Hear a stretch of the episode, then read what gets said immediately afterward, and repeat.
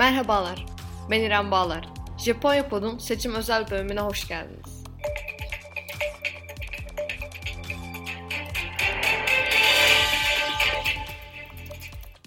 Yine bir Japon seçimi ve yine Japonya'da muhalefet olmak için mükemmel bir gün. Temsilciler Meclisi yani alt meclis seçimleri 31 Ekim'de tamamlandı. Suga görev süresini tamamladığında aslında Temsilciler Meclisi'ni feshettikten sonra mı bırakacağı merak konusuydu. Çünkü zaten Kasım'ın ortasında meclisin 4 senelik görev süresi sona erecekti. Kişi de göreve gelir gelmez meclisi feshederek seçimlerin fesih kararından 17 gün sonra gerçekleşeceğini duyurdu. Ki bu 2. Dünya Savaşı'ndan beri bir seçime hazırlanmak için belirlenen en kısa süreydi. Seçim hazırlıkları biraz yoğun geçti o yüzden. Yurt dışında yaşayan Japonlar büyükelçiliklerde veya konsolosluklarda oy kullanabilmek için dilekçe veriyorlar. Türkiye'de olduğu gibi. Oy pusulaları geliyor, konsolosluklara ulaşım için uçak biletleri alınıyor derken birçok yabancı Japon oy kullanmamayı tercih etti. Zaten seçime katılım oranı da 55.3 ile 31 Ekim'de tamamlandı. Öncelikle Temsilciler Meclisi seçim sisteminden bahsetmek istiyorum biraz. Sistem Türkiye'dekinden farklı işliyor çünkü. Her seçmene oy kullanırken iki adet oy pusulası veriliyor. Birisi bireysel adaylar yani dar bölge seçim sistemi için. Diğeri ise parti için yani nispi temsil sistemine yönelik. Dar bölge seçim sistemi Amerika'dan aşina olduğum sistem. Vilayetten beğendiğiniz bir adaya yani kişi için oy veriyorsunuz. En çok oy olan kazanıyor. Nispi temsil sistemi Avrupa'da daha yaygın olan sistem. Parti oy veriyorsunuz ve partinin adayları oy oranına göre artıyor veya azalıyor. 10 milletvekili kontenjanı olan bir ilde, vilayette %40 oy alan bir parti kontenjanın %4'ünü dolduruyor. Sistem bu şekilde işlemekte. Japonya'daki temsilciler meclisi seçimlerinde ise bu ikisi beraber karma olarak kullanılıyor. Dar bölge seçim sistemi yani single member district system için ülke 295 bölgeye ayrılmış durumda ve nüfusun yoğunluğuna göre vilayetler içinde bölgeler var. Mesela Tokyo 25 bölgeye ayrılırken Hokkaido 12 bölgeden oluşuyor. Geri kalan 180 koltuk ise nispi seçim sistemi yani proportional representation ile seçilmekte. Bunun için de ülke 11 bloğa ayrılmış durumda. Ee, bu bloklardan bazıları Tokyo, Hokkaido, Kyushu, Kinki gibi. Tokyo bloğundan 17, Kinki bloğundan 28 milletvekili çıkmış mesela. İki sistem kırılarak toplamda 465 koltukluk bir temsilciler meclisi elde ediyor. Yeni başbakan kişi de için bu büyük bir zafer aslında. Seçim öncesinde parti içinden gelen görüşlere bakınca onlar da bu kadar milletvekili çıkarmayı beklemiyorlardı sanırım. LDP'nin seçim kampanyasından sorumlu Toshiaki Endo'nun kişilere seçimin ardından çoğunluğu sağlamak için LDP ile görüşleri uyan bağımsız adayları kendilerini çekmeyi denemeleri önerdiğinde göz önüne alırsak beklenenden iyi bir performans sergiledi LDP. Meclisteki çoğunluğu yakalamak için 233 üst almaları yeterliydi. Ancak LDP koalisyon ortağı Komeito olmadan da 261 vekile ulaştı. Komeito ise 32 vekil çıkardı. Yani Komeito ve LDP koalisyonunun 293'lük gibi bir gücü var şu anda mecliste.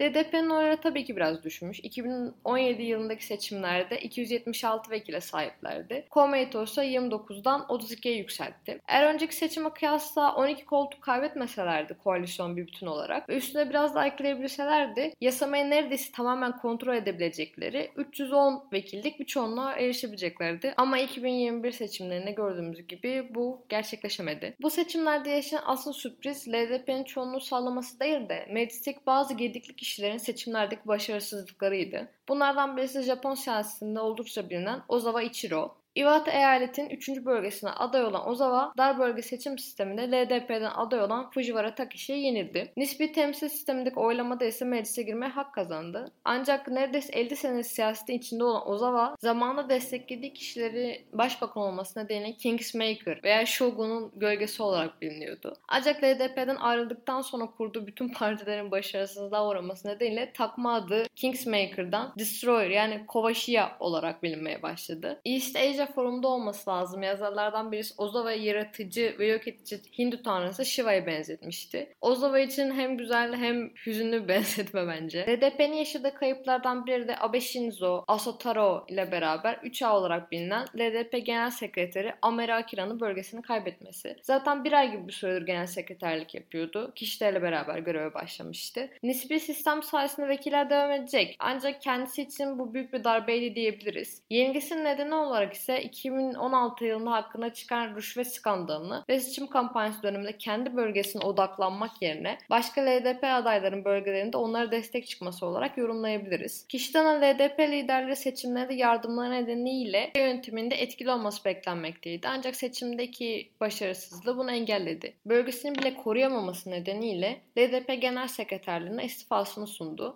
Kişidan'ın LDP Genel Sekreterliğine Amari yerine Dışişleri Bakanı Motegi'yi getirmesi bekleniyor. Motegi'nin LDP'nin en büyük üçüncü kliği olan Takeshita kliğinin başkanı olduğunu düşünürsek akıllıca bir hamle olabilir. Yine Amari gibi parti genel sekreterliği yapmış olan Ishihara Nobuteru nispi sistemle meclise giremedi. 10 kişiden oluşan bu kliğinin başındaydı Ishihara. Ancak kliğin akıbeti şu an için belirsiz. Biraz da muhalefete geçelim. Bu seçimin yıldızı Nippon İşin Partisi gibi duruyor. 11 vekilden 41 vekile arttırdılar. 41 vekilden 27'si yani %65 gibi oran ilk kez milletvekili yapacak olan kişiler. DDP kıyasla yeni bir soluk diyebiliriz. Nippon İş'in aslında Osaka temelli bir parti. Yerel parti gözüyle bakılıyordu bir süre. O yüzden Osaka'da iyi yapması zaten bekleniyordu. Osaka'nın 15 bölgesini ve komşu vilayet Hyogo'dan bir bölge aldılar. Geri kalan 25 koltuk ise nispi sistemden gelen oylarla kazanıldı. Nippon işinin bu kadar oyunu arttırması ise LDP Komeito'nun oluşturduğu sağ koalisyonu yakın hissetmeyen ve Anayasal Demokrat Parti yani CDP'nin bu seçim için Komünist Parti ile oluşturduğu sola dönük koalisyonu beğenmeyen seçmenler için iyi bir merkez parti olarak öne çıktığı için diyebiliriz. Ancak Osaka Belediye Başkanlığı'nı yürüten Matsu Ichiro ki kendisi aynı zamanda eski Osaka valisiydi. Asahi gazetesine verdiği röportajda seçimleri zafer olarak tanımlayamayacağını açıkladı.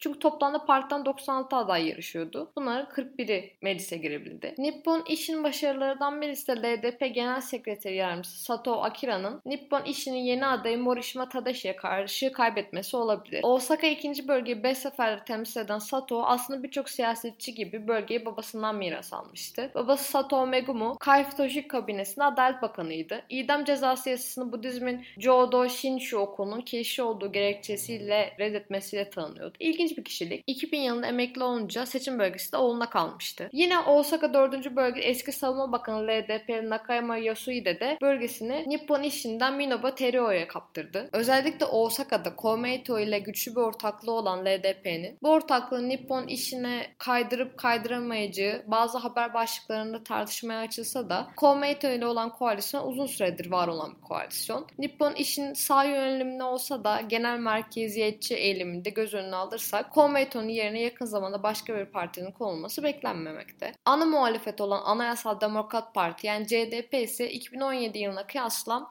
14 koltuk kaybederek seçimi 96 milletvekiliyle kapattı. Bunun en büyük nedeni olarak ise Japonya Komünist Partisi yani JCP ile gerçekleştirdiği işbirliğini söyleyebiliriz. LDP'nin oylarını bölmek için dar bölge sistemi uygulandığı bölgelerde 200 aday göstermiş olsalar da iki parti koltuk kaybetmekten maalesef kaçamadı. CTP Parti Başkanı Edona Yukio ise seçim sonrasında partisinin seçimlerdeki başarısızlığı sonucunda istifasını açıkladı. 10 Kasım'a kadar görevine devam edecek yine de. Ardından CDP'nin parti yönetimindeki herkesin istifası yavaş yavaş gelmeye başladı. Edono tabii ki seçimden sonra en büyük destekçisi Japonya Sendikalar Konfederasyonu'na yani Rengo'ya e, ziyaret düzenleyerek teşekkürlerini sundu. CTP ve Komünist Parti'nin tepki çekmesinin bir nedeni Rengo, işçi sendikalarını bir çatı altında birleştiren bir kurum. İşçilerin arasındaki sıkıntıyı sıfıra indirmek için genelde kendisini Komünist Parti'den uzak tutuyordu. Bu nedenle Rengo'dan gelen oylarda düşüş yaşandığı düşünülebilir. Her ne kadar Nippon işinin zaferinde saydığımız aileden siyasetçi kişilerin beklenenden az oy alması Japon siyasetçilerin kimliğinde bir değişikliğe gidiliyor mu gibi sonuç uyandırsa da istatistiklere baktığımızda durumun pek de öyle olmadığını görüyoruz. DDP'nin 336 adayından %4'ü yani %31'i aileden siyasetçi. CDP'de ise bu oran 29 kişiyle %12. Suga geçen sene bu konuya değinmişti aslında biraz. Bu tür aileden gelen adaylara bir kota uygulanması konusunda çalışmaları başlanması gerektiğini vurgulamıştı. Fakat bu gerçekleşmedi. Suga'nın bunu dile getirmesi aslında kendisi böyle bir aileden gelmediği için. Ancak yeni başbakan Kishida tam da bu şekilde bir aileden geliyor. Babası Fumitake ve dedesi Kishida Masaki temsilciler meclisi üyesiydi. Yine 1991-93 yılları arasında başbakanlık yapan Miyazawa Kiichi uzaktan akrabası. Bu yüzden tabii Kishida'nın Suga'nın bu görüşünü gerçekleştirmesi beklenmiyor. Eski DPJ'den başbakan olan Noda Yoshihiko Yine 2012 yılında Suga gibi duruma kısıtlamalar getirilmesi dile getirmişti. Ancak bir sonucu bağlanamamıştı. Halkın bu adaylara oy vermesi ise en azından bildiğimiz adaya verelim gibi yaklaşım olarak düşünülebilir. Ancak oy verenin önüne başka bir seçenek sunmadığı takdirde çeşitlilikten bahsetmekte birazcık zor. Bu seçimde çoğunluğu sağlamanın kişi için önemlilerinden bir tanesi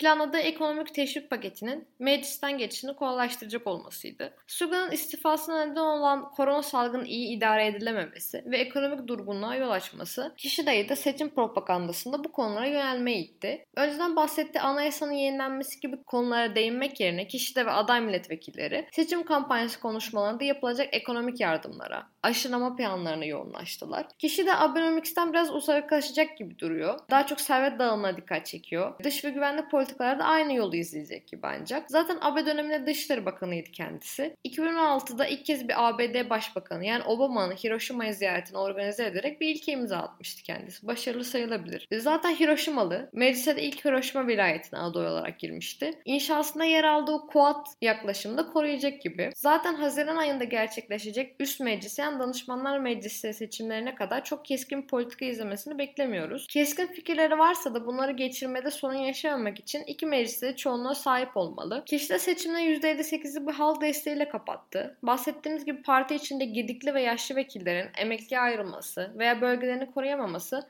kişi de için AB'nin mirasını devam ettirmek yerine yeni bir LDP politikasında yolunu açabilir. 10 Kasım'dan sonra da kişilerin yeni kabinesini açıklaması beklenmekte. Seçimden ilginç bir yanında 2018 yılında kadınları siyasete katılımı teşvik etmek için çıkarılan yasalara ve yapılan çalışmalara rağmen 2017 yılına oranla meclis kadın vekil oranının %10.1'den %9.7'ye düşmesi. Tabii ki aday olan kadınların sayısı 186 adayla tarihteki en yüksek orana ulaştı. Ancak meclise girebilenlerin sayısı yine oldukça düşük. LDP'nin 261 vekilinden sadece 20'si kadınken Anayasal Demokrat Parti'de bu sayı 96 vekilden 13 olarak gözüküyor. Vekillerin yaş ortalaması ise 55 ki bu da yine oldukça yüksek. Şu an için partiler zaten geçmişte sundukları vaatlerden farklı bir şeyler sunuyor gibi görünmüyorlar. Partilerin ayrıldıkları ve muhalefete oy kazandırmasını bekledikleri bir nokta LGBT hakları ve eşcinsel evlilik yasası konusuydu. Altın Muhalefet Partisi bu konuda meclise yasa tasarısı sunacaklarına dair halka söz verdiler. Ancak LDP, Komeito ki sadece bu konuda halka bilinçlendiririz, bakarız o konuya da bir ara bir yaklaşımda bulunmuşlardı. Kişitan'ın böyle bir fikri olmadığını biliyoruz zaten. Kendisi çok daha öncesinde genel kurul toplantısında bu konunun ailenin temeliyle ilgili bir konu olduğunu